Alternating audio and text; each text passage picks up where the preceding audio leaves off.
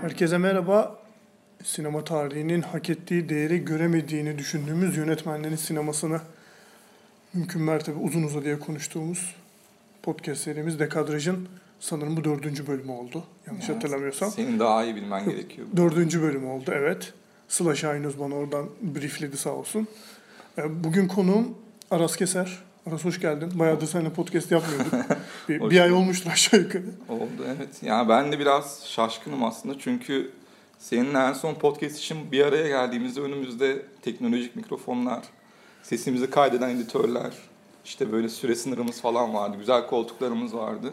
Koltuk da güzel ama şey. Şimdi ise bir iPhone 5'e eğilmiş konuşuyoruz yani. Ama samimi oluyor böyle bir Çok şey. sevindim ama yani buna benzer bir çöküş herhalde en son Nicolas Cage'in kariyerinde falan yaşandı yani. Valide Tart'tan sonraki Yani. Nicolas Cage kariyeri. Ama yok dediğin gibi daha güzel tarafları da var. Mesela şu an ayağımı altıma aldım falan. Evet, bir de istediğin kadar süre sınırı olmadan da rahat Evet, rahat evet. konuşabileceğiz Buradan ve da- bir avantajımız tek bir yönetmenin sinemasını uzun uzun konuşabileceğiz. Evet, bu arada eski podcast'imiz de bayağı boklamış gibi olmuş. Yok öyle, ol- öyle olmadı. Başka bir konsept. Neyse Cem dinlemez zaten bunu. Belki de dinler ikimizi de görürse bilemeyiz ama Dinlerse başka bir konsept olduğunu vurgulamak Ha, için. tabii tabii anladım. Kimseyi boklamak gibi bir niyetim yok idi. Derken bu bölümün konusunu yavaştan söyleyelim. Bir 3-5 dakika konuşup ne konuşacağımıza dair hiçbir şey söylemedik. Bugünkü konumuz, e, daha doğrusu yönetmenimiz Sergey Parajanov. E, Sovyetler Birliği'nden çıkan e, Tiflis doğumlu, aslında Gürcü kökenli ama sanırım Ermeni Evet Ermeni. bir yönetmen. Onun sineması ki aslında Sovyetler Birliği sineması dediğimiz şeyin çok uzağında duran, çok nevi şahsına münasır bir sineması var kendisinin. Bu uzak durmanın bedelini de ödemiş. Edemiş. Aynen bu, ödemiş. bunu zaten işte podcast'te yavaş yavaş konuştukça filmler üzerinden gittikçe e, inceleriz. İlk baştan hani biraz genel bir giriş olarak sen neler söylersin diye sormak isterim filmlerine geçmeden önce. Ya Parajonov aslında şu an hani senin programın e, şey çerçevesi hani değeri bilinmemiş yönetmenlerin üzerine ama hani şu anda en azından birazcık daha değeri biliniyor. Hatta ülkemizde de geçen sene hakkında böyle geniş kapsamlı bir sergi oldu Parajonov'un. Ama yaşadığı dönemde, ya film çekebildiği dönemde hakikaten hiçbir şekilde hakkı verilmemiş. E, zaten film bile çekememiş çoğu zaman bir insan ama e, görsel dünyası o kadar zengin ve e, yani sinemacılığı o kadar kuvvetli ki yani bugün bile filmlerine baktığımızda yeni ve farklı bir şey bulabiliyoruz. E, daha uzun uzun konuşuruz da biri yani benim açımdan onu değerli ve farklı kılan aslında sinemanın gerçekten de bütünüyle bir görsel sanat olduğunu hatırlatan ve diyalog ve sesin hani belki de en arka planda kaldığı, daha çok görüntünün ve imgenin ön planda olduğu sineması ki bu eşsiz de bir şey. Yani ondan başka yapabilen çok kişi de gelmiyor aklıma. O yüzden hem değerli hem de hakkı verilmemiş olduğu için e, şu anda hani konuşmamız bence gayet mantıklı bir seçim. Bir de şöyle aslında onunla ilgili tanımlama yapılırken şey e, ne derler şiirsel sinemanın böyle önemli temsilcilerinden biri derler ama bu tanımı kullandığımızda hep bizim aklımıza böyle daha nasıl diyeyim işte Tarkovski gibi ki yani Tarkovski ile birbirlerini çok severler yakın arkadaştırlar. O başka bir konu ama sinematik anlamda bahsediyorum. İşte Tarkovski gibi belki ne bileyim işte Belatar gibi böyle hani daha e, epik ama biraz daha minimal düzeyde bir epiklikten bahsediyorum. Ee, yönetmenlerin sineması akla geliyor şey deyince, şiirsel sinema deyince ama Parajanov gerçekten şey, imgelerle şiir yaratmak üzerine. Hani çünkü bu yönetmenler de genelde zamanı kullanarak hani bir şiirsellik falan yani uzun planlarla vesaire bir şey kullanırken Parajanov daha çok imgeler üzerinden, gösterdiği şeyler üzerinden, o imgelerin birbiriyle ilişkisi üzerinden e, sinemada şiiri yaratan bir yönetmen aslında. Bu konuda şey var aslında. Geçen gün Pasolini ile ilgili bir şeyler okurken bu konudan tamamen alakasız bir şey denk geldim. Pasolini yani kendisi de aynı zamanda şair de olduğu için e, şiirsel sinema değil de sinema şiiri veya şiir sineması pardon. Düzeltiyorum. Şiir sineması gibi bir tanım yapıyor.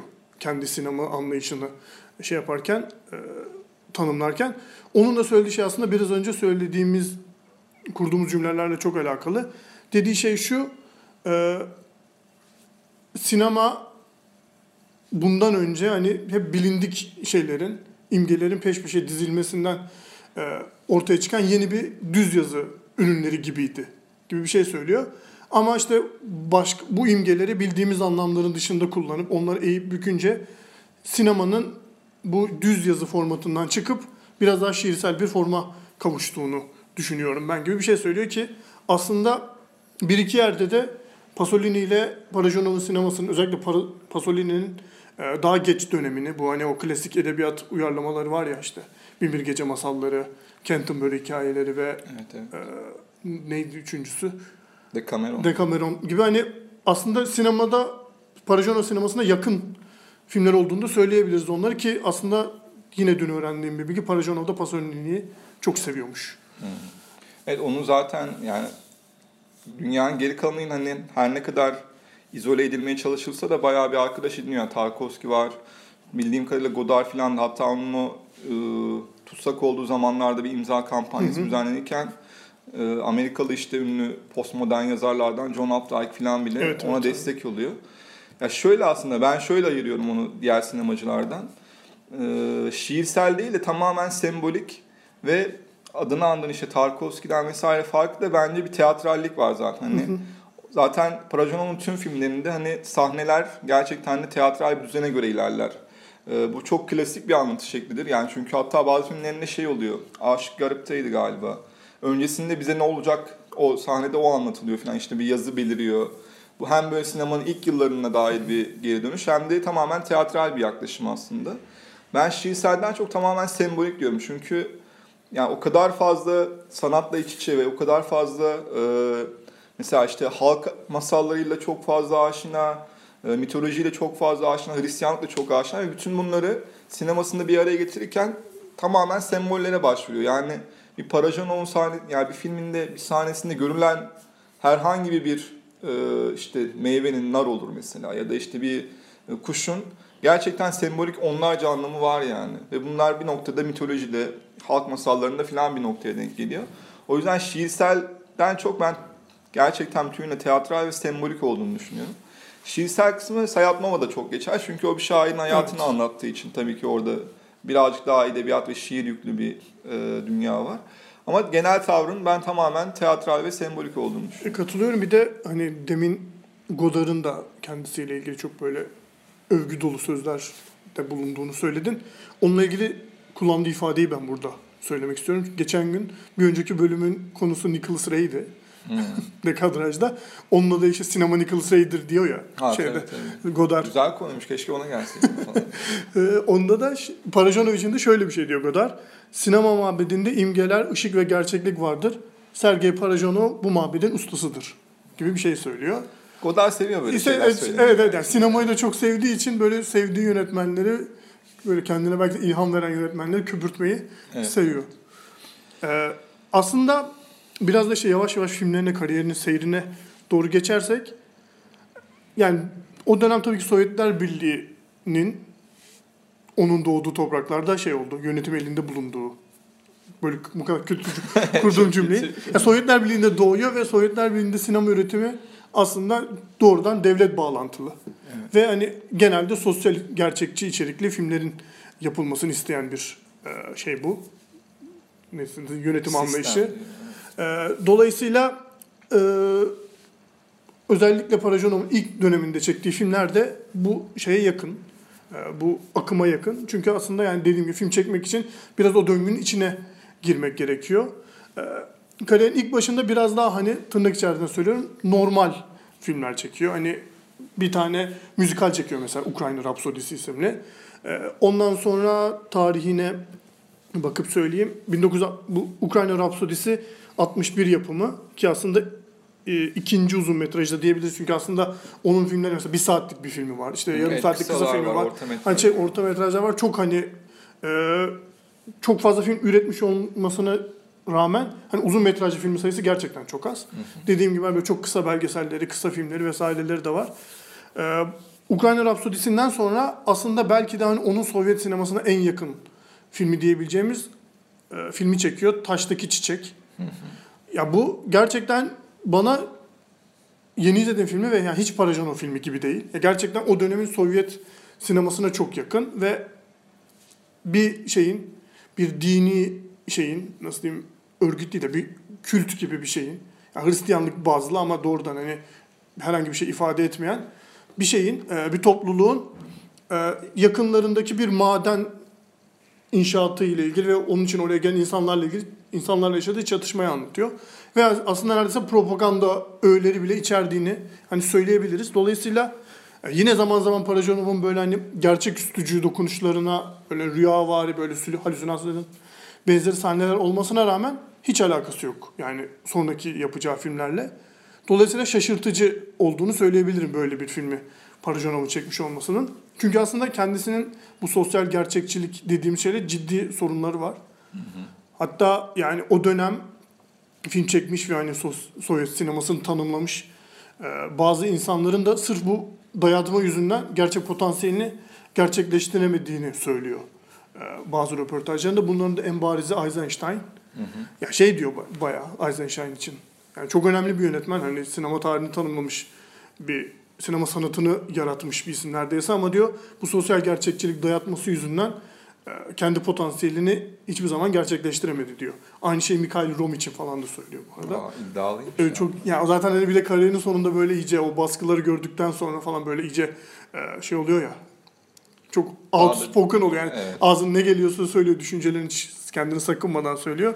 İşte bu da o kariyerinin sonunda sanırım hani 90'da ölüyor zaten 88'de yapılmış bir röportajdan sanırım bu ifade. Ee, aslında Parajanov sineması bu bahsettiğim Taştaki Çiçek filminden sonra başlıyor bile diyebiliriz. Çünkü onun da aslında tüm dünyada e, adının duyulmasına ve hani bir Parajanov sineması diye bir şeyden bahsediyorsak bugün onun ilk emarelerini verdiği unutulmuş ataların gölgesi. Doğru Tamam. söyledim umarım filmi. Evet, ut- unutulmuş ataların gölgeleri. Gölgeleri, evet. Ben de ben de tam orada gireyim şey o ilk yani ondan önce yaptığı 8 film için hani bir arayış süreci olarak bahsediyor ve hani bu filme geldiğinde yani işte ataların unutulmuş gölgelerine geldiğinde şunu diyor. İşte tam o zaman ana konumu, ilgi alanımı bulmuştum.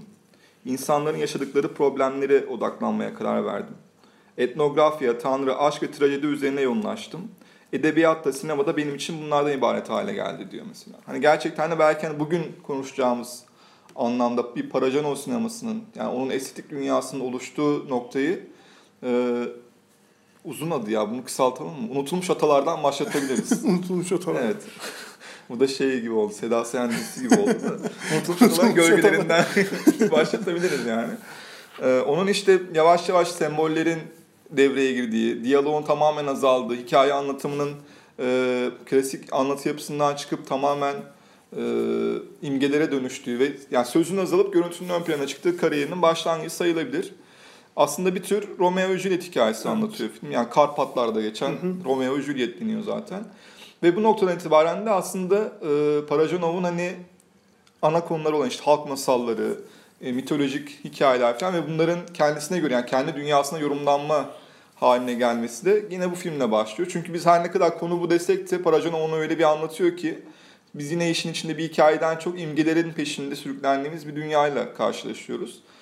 Sonrasında tabii kariyeri çok daha farklı yere gidiyor ama bu film işte bugün mesela Godard diyorsak işte onu tanıyanlar işte Tarkovski arkadaşı diyorsak hepsi aslında bu film sayesinde. Çünkü bu uluslararası alana da yayılan hani festivallerde de gösterilen ilk film olduğu için epey bir konuşuluyor ve adı duyuluyor yani bu filmle beraber. Bir de aslında şu e, Parajanov sinemasının dönüşümünde Tarkovski ile ilişkisi de önemli. Çünkü ona daha öncesinde yaptığı hani biraz daha klasik sinema e, filmlerinden daha başka bir ihtimal olduğunu gösteren filminde Ivan'ın çocukluğu olduğu Evet, söylenir. evet, evet, evet. İşte çünkü bu film 64 yapımı Unutulmuş Ataların Gölgeleri.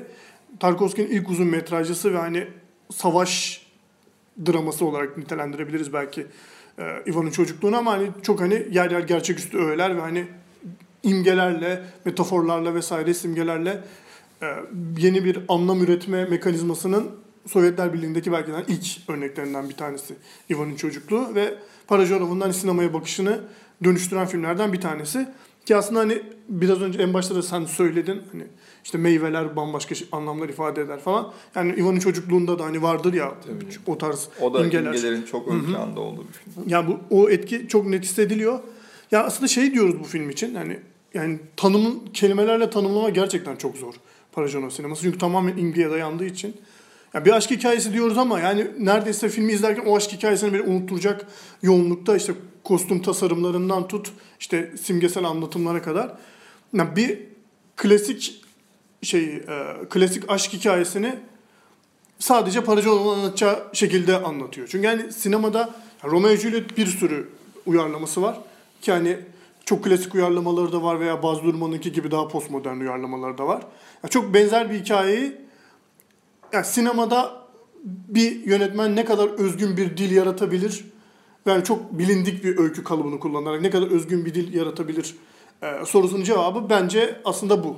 Yani Parajanov bugünlere kaldıysa ki bu kadar aslında neredeyse tarihten silinmeyle e, tehlikesiyle yüzleşmiş, işte rejim tarafından film çekmesi yasaklanmış, hapse atılmış bir yönetmen olmasına rağmen e, onun bu kadar önemli olmasının nedeni de bu işte unutulmuş adaların gölgesinde denemeye başladığı ve aslında ilk denemesinde de çok neredeyse kusursuz bir örneğini verdi. O kendine has üslubundan ileri geliyor aslında. Evet.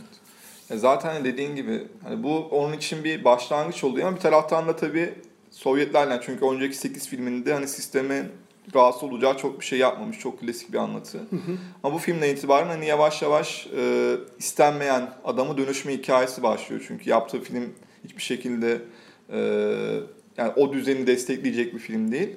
Ve sonra işte zaten 69'da sanıyorum Sayat Nova'yı yaptığında hı hı. da yani hem çok büyük bir başyapıta imza atıyor ama bu kariyerinde belki de bildiğimiz anlamda sonu oluyor yani diğer iki filmi çünkü çok yıllar sonra çekiyor.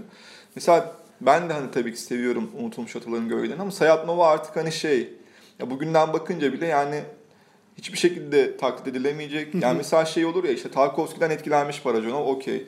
Ne bileyim işte Nuri Bilge Ceylan da Tarkovski'den etkilenebiliyor. Herkes ondan etkilenip ona benzer bir şey yapabiliyor yani. En azından o yani işte çayırların rüzgarda işte şey olması. Yani bunu okey yapabilir bir sinemacı ama Parajonov'un Sayat Nova'da yaptığını hiç kimse yapamaz yani. Sayat Nova gerçekten hani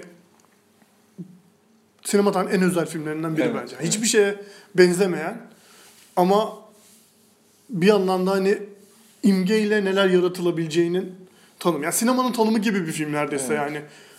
Yani şey ben şey oradan yürüyecektim. Yani şu her şeyin yani her şey yani filmin her şeyini övdüğümüz konuşuyoruz ama en başta gerçekten hani taklit edilemeyecek kadar özgün olması belki de şeyi ve o güne kadar hani biriktirdiği işte çocukluğunda çünkü çok anlatış çocukluğunda masallarla büyümüş.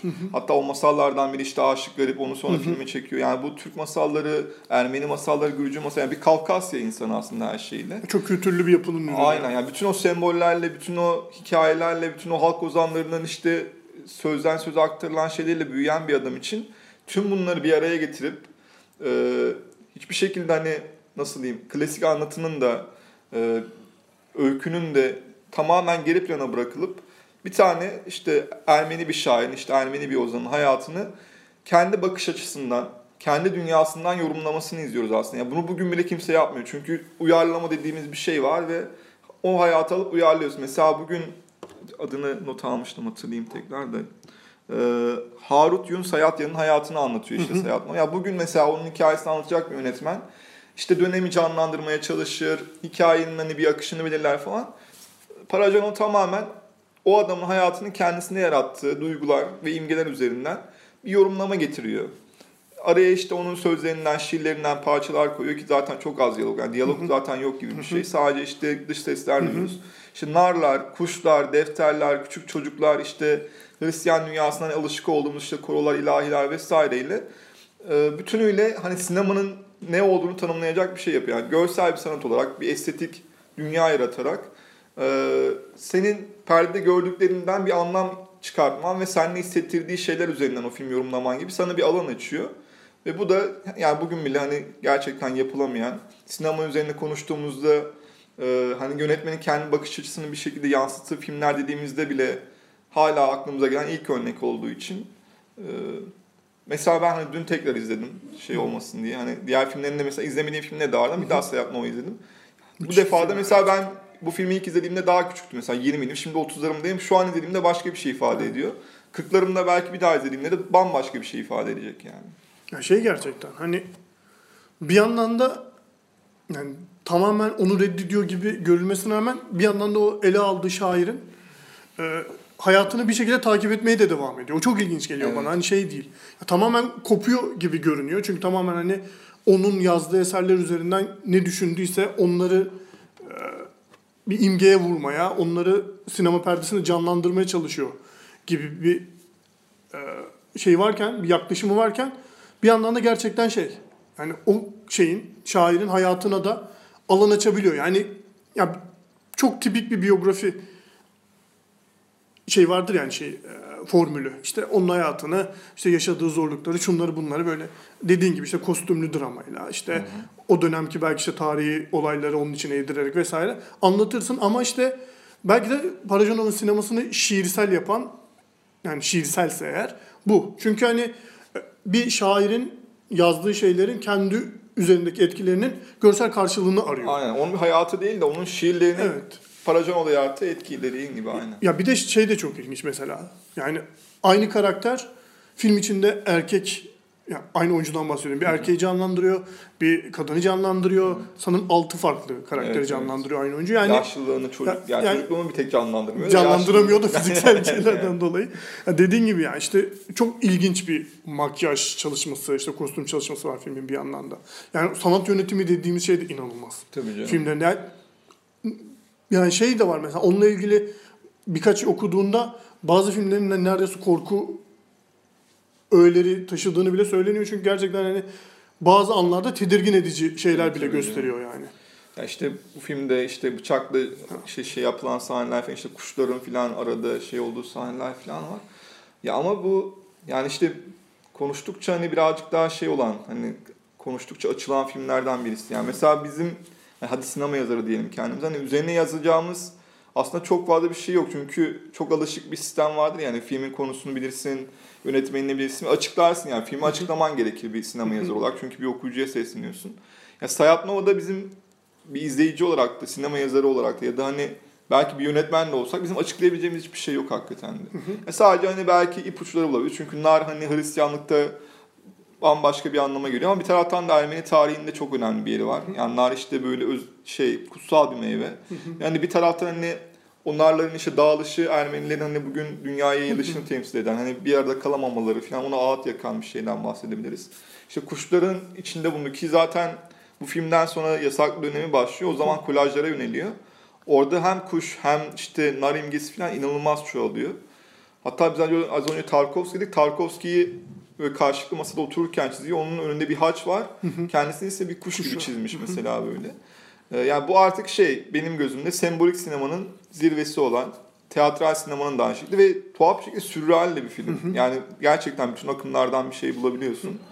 Ya çok böyle okumayı genişletirsek mesela senin bahsettiğin işte hem kadın var hem erkek var bazen hani bir canlı yani canlı form sürekli bir form değişen hem canlıdan hani buradan şeye kadar gidebiliriz işte kadın oluş, hayvan oluş işte dölözlere falan kadar gidebileceğimiz bir dünya var ki o da bu film üzerinde birkaç yazı yazmıştı. Ya bugün bile hani konuştuğumuzda üzerine 50 tane yeni şey konuşabileceğimiz, söyleyebileceğimiz yani sadece övebileceğimiz bir film Evet aslında. ama yani çok 50 uzatmayalım. 50 farklı şeyi söylesek bile hiçbir zaman Ya, filmi tam gör, tanımlayamayız. evet, filmi görmüş kadar asla olunamıyor Evet, evet, Ben şey, yani yani şey değil yani okunabilecek bir film değil bence bu arada. evet, evet. Yani ona işte ortaya attığı imgeler üzerinden sen yapacağın çıkarımlar üzerinden hani bir şeyler söyleyebiliyorsun hakkında sadece. Ama sadece izlediğinde tam Aynen, anlamını evet. kazanabilecek bir film. Şeyde olmuştu galiba. e, Lost Highway'in DVD'sinin arkasında böyle konusunu hiç yazmamışlar filmi. Sadece böyle övgüleri koymuşlar falan. Bu filme de aynısı yapılmış. Yani konusunu yaz, yani yazarsan işte dersin ki 16. yüzyılda yaşamış bir Ermeni şairin hayatını anlatıyor. Ama bu kadar. Ama onu anlatıyor mu? O da yani o konuda da size yüzde yüz şey yapamıyor. Anlatma dediğimiz şeyi yapmıyor. Yani işte bu İşte anlatıyı reddediyor Evet, zaten. yani Özelliği çok derine girmem gereken konu ama sinema teorisinde hep şey olur ya e, işte ilk montajın bulunduğu dönemler işte kurgunun ön plana çıkması işte anlatı yapısının işte D.W. Griffith'ten itibaren hani böyle özdeşleşmenin ortaya çıkması hani seyirciyi etkileyen ve seyirciyi hani hesaba katan filmler diğer yanda işte Vertov'ların işte montaj sineması hani bunların geliştiği bir alan var. Her yerden hani bir şekilde onu okuyabilirsin yani işte dersin ki bugün Spielberg hala o D.W. Griffith'in başlattığı anlatı sinemasının, seyirciyi içine katan özdeşleşme sinemasının bir parçası dersin. İşte ne bileyim onun karşısına da işte çok daha farklı avantgard yönetmeni koyarsın. O da dersin ki işte Vertov'un kameralı adamının bugüne kadar devam eden bir yansıması falan diye okuyabilirsin. Mesela bir şekilde o teoriyi oturtabilirsin ama Sayat Nova'yı da Parajanov'u da burada hiçbir yere oturtamıyorsun yani. Evet yani onun aslında özelliği buradan geliyor. Yani tüm nasıl diyeyim, sinemayı yeniden yaratmak gibi bir şey aslında peşinde koştuğu şey. Yani bu büyüklükte bir iddiada yapmıyor bunu. Tamamen hani kendi istediği şeyi yaptığı için, kendi düşündüğü şeyi yapmak için ve aklındaki şeylerin plastik karşılığını bulmak için yapıyor belki bunu ama ortaya çıkan şey e, gerçekten dediğin gibi yeni bir şey yani ki hala yeniliğini koruyor. Belki de Tabii en canım. şeyi bu. En büyük özelliği Ya bu. diyoruz yani bugün millet yapılamaz ona benzer bir şey. Yani taklit edilse edilemez. Yani şey işte yani gene öveceğimiz bir noktaya geliyor. Yani filmle ilgili hiç kötü bir şey söyleyemiyoruz da ya bugün o bütün o semboller, bütün o şeyler hani bize ifade ettiği şeyler de çok değiştiği için yani narda hani kuşta falan hani bu sembollerin o andaki karşılığı Tabii, sürekli zaman değişiyor. çünkü Paracanov'un dünyası yani belki de onun en büyük yeteneği bu. Bir hayal dünyası var ya bu tabii ki her yönetmenin vardır. Her sanatçının vardır.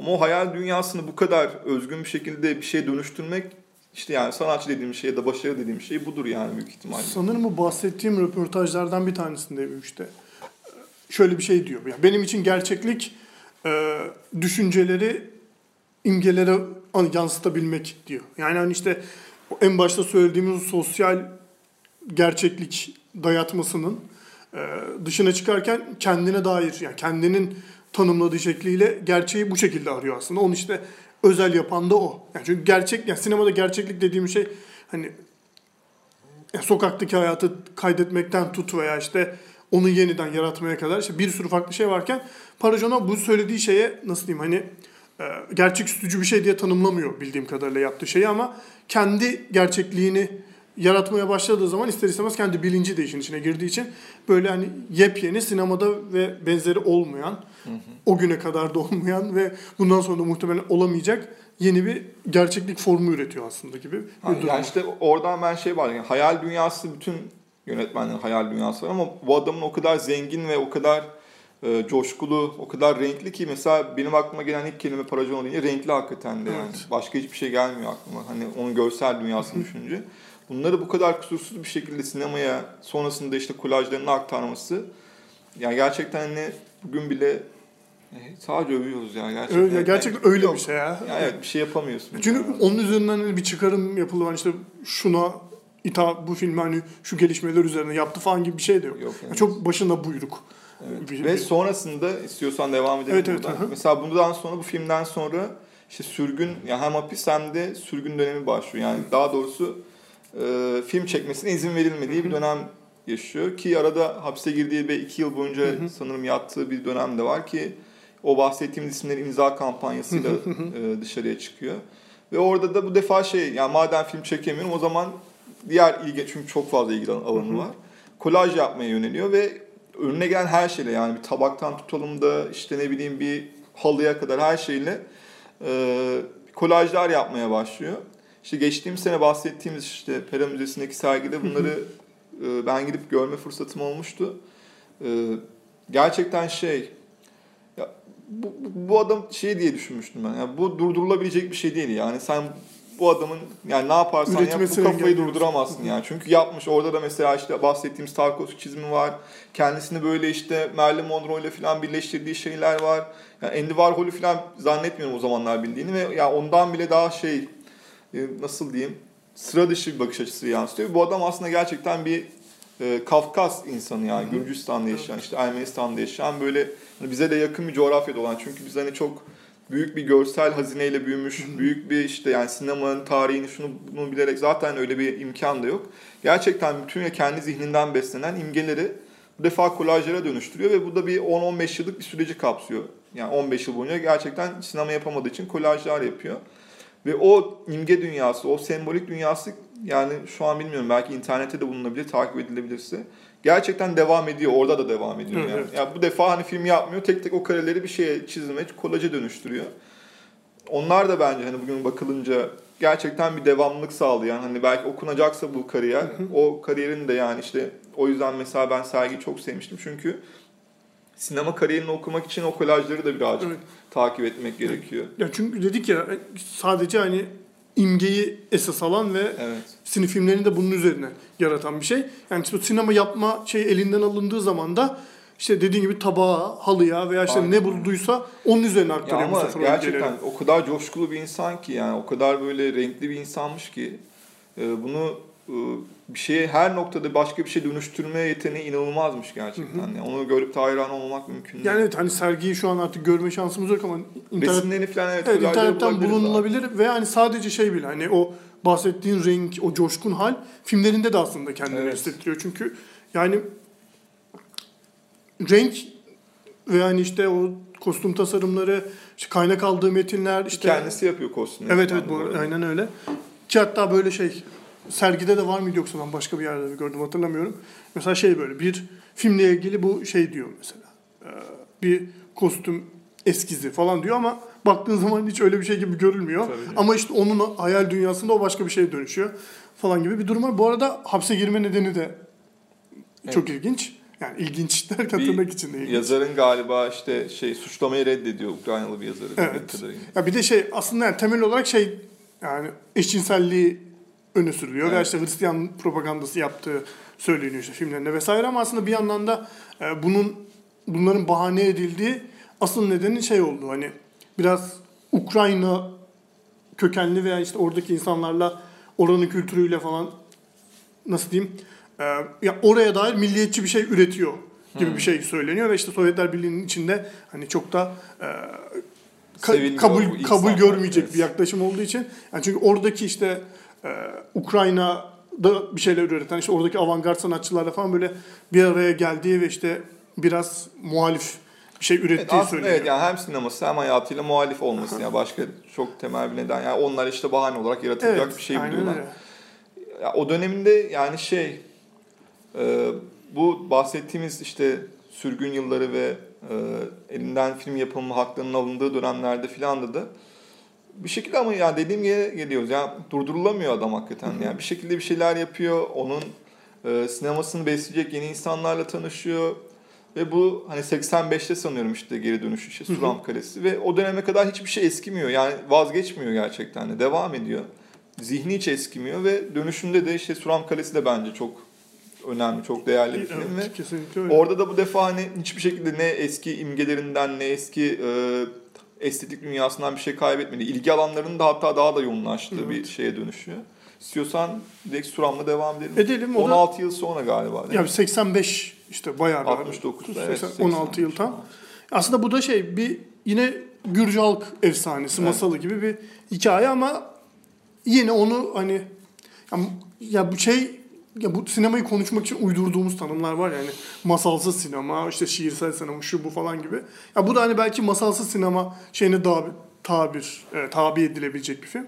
Ama yine onun Parajanov'a göre yorumlanmış hali gibi. Parajanov'un zihnini filtresinden çıkarak e, ortaya atılmış bir film gibi aslında yani. Ya sen az önce mesela şey dedin ya e, yaşadığı sorunlardan birisi de işte Hristiyanlık propagandası. Şimdi yani Sovyetlerin sistemi o kadar yani işte mesela Tarkovski'yi de anlamamış. Onu da hani şey görüyorlar ya işte propagandacı falan. Muhalif filan. en azından İşte- yani. Ya aslında orada e, yaptığı şey yani Hristiyanlıkla ilgili yaptığı şeyin de e, Parajanov'un aslında pek de klasik anlamda, ortodoks anlamda bir e, nasıl diyeyim din güzellemesi olmadığını farkına varamıyorlar. Yani Evet. bu adamın yani Hristiyanla bakış açısı yani nasılsa yani ne bileyim narlara, halk hikayelerine ya da diğer hikayelere yorumu nasılsa aslında Hristiyanlığa bakışı da öyle ve orada ya İsa'nın ya da işte diğer dini metinlerin işte yorumlanmış şekillerini görüyoruz ve bizdeki hani tasavvufa denk gelen ama tamamıyla bir kişisel okuma üzerinden yaptığı bir şey. Yani biz mesela bugün çok klasik ya Hristiyanlık göndermeleri desek de orada e, bütünüyle şey var aslında. Parajonov'un gördüğü gözünden Hristiyanlık ve İsa var aslında. Ya Yani. çünkü Bu hikayelerde de öyle. Halk hikayeleri, masalları ve ozanların hikayelerinde de aynısını yapıyor. Ya çünkü mevzu şey değil yani bir şeyi anlatmak gibi bir derdi yok ki. Sadece içindeki şeyleri dışa vuruyor. Ve yani Hristiyanlık da onu bir şekilde var eden e, olgulardan biri işte. Tıpkı işte bir Ermeni şair gibi. Bir işte küçükken dinlediği, annesinden dinlediği işte son film Aşık Garib'in hikayesi gibi. E, ya onu var eden şeylerin sinemadaki karşılığının peşinde. Yani dediğin gibi yani hiçbir zaman sinemaya işte daha doğrusu din mevzusuna böyle e, nasıl onu böyle kapsayan, onu yücelten falan gibi bir yerden bakmıyor. Onun bir olgu olarak ele alıyor ve kendi filtresinden geçirip onu da işte dediğimiz gibi başka hiçbir şeye benzemeyen sinemasının bir unsuruna dönüştürüyor aslında. Yani onun filmlerinin gerçekten şey yani böyle rahatsız edici bir şeyi yok. Ee, nasıl diyeyim ruhaniliği falan yok. Evet. Yani çok ilginç bir ruhaniliği var eğer bir öyle bir yerden bakacaksak Tabii canım. Ya klasik bir Hristiyanlık okuması ya da güzellemesi falan asla yapılmıyor. Bir de şeyi fark ettim mesela biz şimdi konuşurken diğer filmleri de konuştuk işte Aşık Garip'e geleceğiz. Suram Kalesi'ni konuştuk. Yani hepsinde aslında şey karakterler var. Bir şekilde kendini bir şey feda etmiş ya da etmek üzere olan. e, hayatın hani görünürlüğünden vazgeçip tamamen kendi dünyasını işte bu filmde mesela Suram Kalesi'nde de hani eski bir geleneği canlandırmak ve işte sağlam bir kale yapmak için kendini surlara gömdüren bir gencin hikayesini, yani kendini feda eden bir gencin hikayesi anlatılıyor. Aşık Garip'te de konuşacağız işte yola düşüp Şah'ın kızına aşık olduğu için işte yola düşüp ona başlık parası bulmaya çalışan falan bir adam. Ya böyle şey ona benzer dünyalar anlatıyor. Yani bir şekilde görünür olandan, hani klasik olandan, işte sosyal gerçekçi olandan falan her şeyden vazgeçip kendi dünyasında, kendi zihninde bir şekilde kalmış ve oradan bir şeyler yaratmaya çalışan karakterler ve Parajonov'un kendisi de böyle biri olduğu için bu dünyaları da ya bu hayal dünyasında çok daha kolay bir şekilde yani bizim anlayamayacağımız kadar kolay bir şekilde görselleştirebiliyor Ya yani. Çünkü onun filmlerinde bu kolay dediğin şey bence çok önemli. Çünkü Onun için çok kolay. Ya evet şey yani gerçekten filmleri şey geliyor bana izlerken. Ya effortless denilen bir şey var ya İngilizce'de. Aha. Yani çok aşırı gayret etmeden yaratılmış sanki her şeyin doğalı buymuş Evet gibi. evet. Yani Zaten böyle yapılıyordu ya Evet, falan yapıyor. evet hani zaten ya onun sinemasını şey yapan bu hani e, kabul edilebilir kılan da bu. Çünkü çok zorlama durabilecek bir sinema aslında bu. Ya mesela internette bir video izledim geçenlerde bakarken. Yine Parajon üzerine bir şeylere bakarken derken. Mesela ben sevmem. Senin de sen de sanırım sevmiyordun. Tarsem Say. The Fall. Yok, Ya onun filmlerinde mesela birçok şeyde yani ben mesela çok zorlama buluyorum filmlerini. Ben işte tam olarak söylediğim şey bu. Ee, ve yani böyle kare kare karşılaştırmalar var. Parajonov'un falanca filmindeki filmle atıyorum The Fall'daki bir sahne. Yani şey yine Sayın başka bir filmdeki işte Immortals'taki başka bir sahne. İşte onun sinemasının içine ne kadar hani böyle zorlama iliştirilmiş geliyorsa o imgeler Parajonov'un sinemasında bir o kadar böyle hani kendiliğinden gelişen zaten bu dünya böyle dedirtecek bir rahatlık da geliyor. böyle yani. yapılır ya. Ha, Sinema. evet. Siz niye böyle şeyler yapıyorsunuz der gibi yani. Yani o kadar da zorlamayın ya. İçinizdeki neyse dışa vurun falan gibi bir şey. Ya şey de yok mesela hani Hollywood'dan zaten hiçbir şekilde etkilenmiyor ama hani Tarkovski falan dedik ondan da yani etkilenme sadece hani şey İlham almak Evet. gibi belki. İstediği şeyi yapmak için ilham almak hani gibi. gerçekten düşününce ya belki klasik halk sanatları işte çizimlerini falan gördüğümüzde çünkü bu sergide onlar da vardı hani ilham aldığı şeyler. Onun dışında gerçekten hani sinema özelinde Parajanov şunu şuradan aldı, buradan etkilendi, şuna benzer bir şey yap diyeceğimiz hiçbir örnek yok gerçekten. Mesela Suram'ı konuşuyoruz şu an. Bu filmde de işte aradan 16 yıl geçmiş ama hani hiçbir şey değişmemiş. Hala çok daha coşkulu, çok daha yeni yine alışık olduğumuz o teatral kareler var, işte korolar var.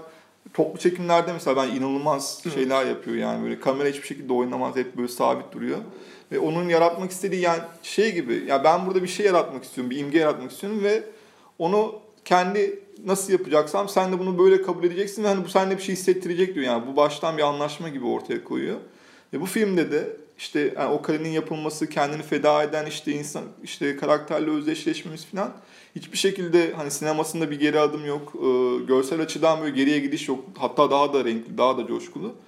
Ee, bütün bu yaşadıklarına rağmen bu zaten bu aslında Sovyet dünyasında çok yaşanan bir şey. Yani bilmiyorum artık e, o baskıda mı çok daha fazla böyle artık yaratıcı hale geliyor. Yani bunu edebiyatta falan da görüyoruz. O baskıdan sonra o sürgünden o e, durdurulma çabasından sonra daha da coşkulu, daha da yaratıcı bir şekilde geri dönüş yapıyor aslında yani. Aynen öyle. Ve belki de artık yavaş yavaş son filmine Aşık Garip'e geçebiliriz. Bu da aslında Tarkovski'ye ithaf ettiği filmi. Sanırım Tarkovski ölüyor bu dönemde. 88'de yapılmış Evet, film. 86'da mı? Sanırım evet yani Tarkovski öldükten sonra çektiği son film ki Parajanov'un da son filmi aynı Evet. zamanda. Ee, ya bu da işte demin de laf arasında söyledik. Annesinin küçükken kendisine anlattığı bir masalın Evet. yine bahsettiğimiz coşkunlukta, basket, bahsettiğimiz görsel e, zenginlikte beyaz perdeye aktarılmış hali gibi. Bu da çok bilindik bir hikaye. Yani aslında yetenekli, çevresi tarafından saygı duyulsa da işte fakir olan bir sanatçı var. İşte film adını veren karakter. E, şey bir kızı bir kıza sevdalanıyor. Ve yani şey işte babası O, o yıllarda alışık olunan evet, şey üzerine. sevdalı, sevdalanıyor yani. O Bir yıllarda aşık oluyor öyle. sevdalanıyor gerçekten onun adı. Ee, o da şey ne o bir sürgüne gönderiliyor. Şey elde etmesi gereken, toplaması gereken mevcut Evet. başlık parası için. Şahın kızını almak için toplaması O da aslında sanırım var. bin bir gecelik falan gibi işte öyle onun masalsı bir şey o de vardı. zaten 500 tane farklı masalda Güzel. var bu yani. Evet, Bir şekilde birine aynen. aşık oluyor ve onun için yani muhtemelen aynı anlatının işte o Evet, oranın evet. coğrafyasına göre dönüş- dönüştürülmüş halleri onlar. Zaten bir Azer, yani Türk Azeri masalı Evet. olarak biliniyor ama bütün yani Kafkasya'da hani bütün şey dünyasında bilinen bizde de büyük ihtimalle birkaç tane uyarlaması olan bir e, hikaye. Ya Kel, Keloğlan hikayesi bile buna çok benziyor Ha, baktığın işte. zaman yani. Tabii ya bugün bile ya abi şeyleri hatırla. İşte sosyal gerçek Türk filmlerinde işte E, başlık onlar- parası bulamadığı için kız kaçıranlar falan böyle Aynen. Karadeniz'de yaygın bir şey mesela. Peki.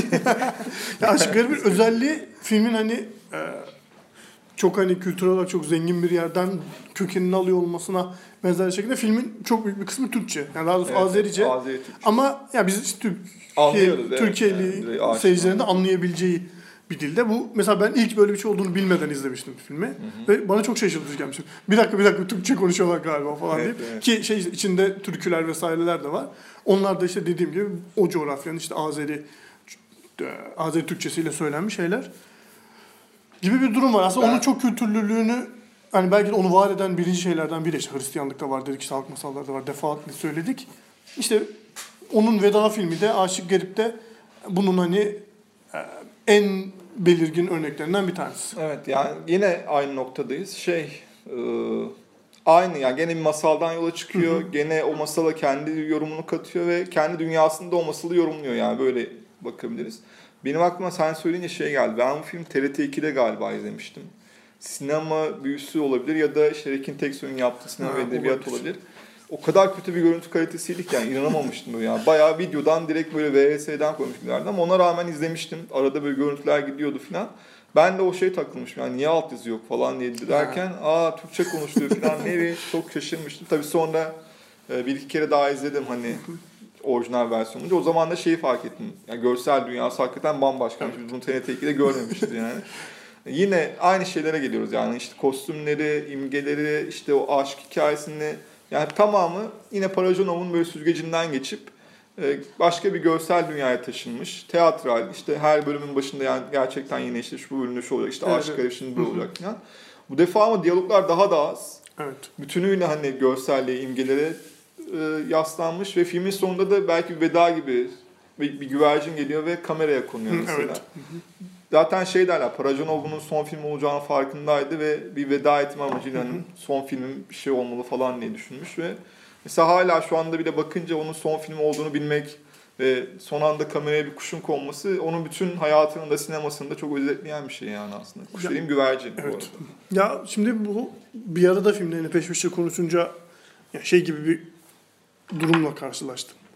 Yani neredeyse hani kendi imzası diyebileceğimiz sadece dört tane film çekmiş. Evet. Ama buna rağmen ya sinema tarihinin belki de en e, kendine özel sinema dilini kurmuş bir yönetmen bu ve yani e, kim kimi yapalım kimi yapalım kim kimi kim olsun bu bölümün konusu diye seninle konuşurken sonuçta bu Barajanova geldik ve ger- gerçekten hani e, ya belli dediğin gibi yavaş yavaş hani adı duyuluyor ama yine Türkiye'de hani hep şikayet ettiğimiz şey e, Türkiye'de hani sinefillik sadece böyle 10 yönetmenin etrafında Evet. evet. dönen bir şeye Bir dönüştüğü şey- için belki hani bu kadar özel bir yönetmenin de en azından birkaç kişinin daha olsa bile merakını uyandıracak bir şey yapıyoruzdur umarım. Ya çünkü şey bu senin bahsettiğin yani konseptin olan konu öyle bir yere geldi ki işte hakkı verilmeyen yönetmenlerde Gaspar Noé falan deniliyor mesela. Çünkü şey yeterince sevilmemek falan gibi bir şey Evet. görünüyor işte Gaspar Noé falan. E buradan yola çıkarsak şey de olacak mesela Christopher Nolan bir film yapacak ve çok fazla insan sevmeyecek. E o zaman diyeceğiz ki hakkı verilmedi abi falan Ya gibi bir yere evet, geliyor. Öyle oraya bile gitme potansiyeli var Yani gerçekten. bu bütün o konuyu özetleyen yani kendi dünyasını yaratmış, hakikaten kendi sinemasını yaratmış bir insan ve zamanları hiçbir şekilde hakkı verilmemiş bir insan olduğu tam için. tam da kendi sineması sinemasını yapmaya gayret ettiği için hakkı verilmemişti. Evet tamamen Bu- o sebeple. Evet, bu bu gerçekten belki de yani şu an yavaş yavaş adı duyuluyor olsa bu sergi ve hani onun şeyinde paralelinde düzenlenen toplu gösterim sayesinde retrospektif sayesinde ama yani gerçekten hani hakkı verilmemiş bir yönetmen Evet. konuştuk gibi oldu diye şimdi finale gelince bu içime sindi yani. Çünkü hani Aa. biraz biliniyor mu falan diye senle de şey yapmıştık ya. Ya, hakkı ya verilmeye başladı mı falan hani diye. Şey, ya zaten şey bilinse de hani üzerine çok şey- Konuşulmuyor. Aynen. Yani Türkiye'de zaten hani yazılıp çizilme. Aynen. Bir- Sadece şey işte bizim dediğimiz başta hani çok bence haksız olan abi çok şiirsel ya falan dedikleri. yani. Orada kalıyor yani inanılmaz şiir. Bu bir şiir falan diyorlar yani o kadar. Ee, ya bu bu podcast fikri, bu dekadaj fikri ak- aklıma geldiğinde şöyle bir kurgu vardı kafamda. Programları, bölümleri e, neden daha fazla kişi bu yönetmenin sinemasını bilmeli, filmlerini izlemeli ve acaba neden bu duruma geldi, neden filmleri izlenmiyor diye bir e, sorular üzerinden şey yapmayı düşünüyordum bu. Böyle tasarlamıştım. olmadı galiba. Ama olmadı. Her bölümde de bunu bakalım bu sefer olacak mı diye başlıyorum ama konuşunca zaten bunların cevaplarını vermiş oluyoruz Evet, aslında. evet. Dolayısıyla e, var mı başka söylemek istediğin Yok. bir şey? Yani şey belki hani takipçisi olabilecek sayacağımız bir yönetmen hani takipçisi dediğimiz hani sinemasını değil de onun e, bir şekilde e, dünyasını sürdürebilen benim aklıma tek mesela kendi ülkesinden olduğu için Tengiz Abulazze geliyor. ben hani filmlerini benzeteyim. Onun dışında da çok fazla yani gözü sinemasından yine bir iki örnek bulabiliriz ama gerçekten hani takipçisi diyebileceğimiz onun hani e, tabii ki o dünyayı yaratmak mümkün değil ama takipçisi diyebileceğimiz sinemacıların sayısı da oldukça az aslında. Evet evet. Yani bir, birkaç yerde şey gördüm. Çok ilginç geldi ve aslında biraz hani düşünülebilecek kafa yorulacak bir şey. Ee, yani o kadrajları doldurma şekli vesaireyi Wes Anderson'a benzetenler Hmm. vardı. Yani bu, bu tartışmayı şimdi burada açmayacağım Evet, ama aç. ilginç bir Ya şey oldu. kadraj doldurmaysa yani Yani o şeyleri kadrajı çerçeve içindeki Evet, insanların hani oyuncak bebek gibi, dollhouse gibi görülmesini Evet yani orada da tiyatral, ve Evet. orada da sabit bir kamera olması falan ama orada tabii çok yani Bam- çok bambaşka uzun- bir şey var. Onun bir mizahı var mesela Evet. evet. Anderson. Onu yapma sebebi gerçekten hani bir komik an sıra dışı ve e, mizahi bir şey yaratmak için. Ama Evet. Paracanov'da öyle bir mizah hiç, Evet, mizah bence- yok gerçekten belki de hiç yani. Yani aslında yani imgeler ve onların düşündürdükleri dışında Evet. çok da bir şey de yok Evet, aslında evet. ama bir yandan da bu çok zenginleştirici bir şey. Evet, Bir yani yönetmen. böyle şey üzerinden okuyabileceğimiz hani klasik işte mizah üzerinden işte drama üzerinden falan filan okuyabileceğimiz zaten bir şey yok yani. Yani belki işte son iki filmine çok hani e, klasikleşmiş metinlerin şeyleri olduğu için, e, Yorumlanması. yorumlanması olduğu için biraz daha hani daha böyle belirginlimsi anlatı Evet, kalıpları var ama onun dışında hani o bahsettiğimiz metinlerde olabilecek en özgür şekilde belki yorumluyor diyerek çok teşekkür ediyorum. Ne demek her zaman. Size de, siz sevgili dinleyicilere de Dekadraj'ın dördüncü bölümünden veda ediyoruz. Bakalım beşinci bölümde Neler e, olacak? ne olacak? Aslında belli, konuğum da belli ama Öyle söylemiyorum sürpriz olsun diye. Gerçekten. Niyeyse böyle milyonlar bunu merak Evet, ediyordu evet. çünkü. Bana söylersin kapatınca. Sana ben. söylerim evet. Dinlediğiniz için çok teşekkürler. Bir sonraki bölümde görüşmek üzere.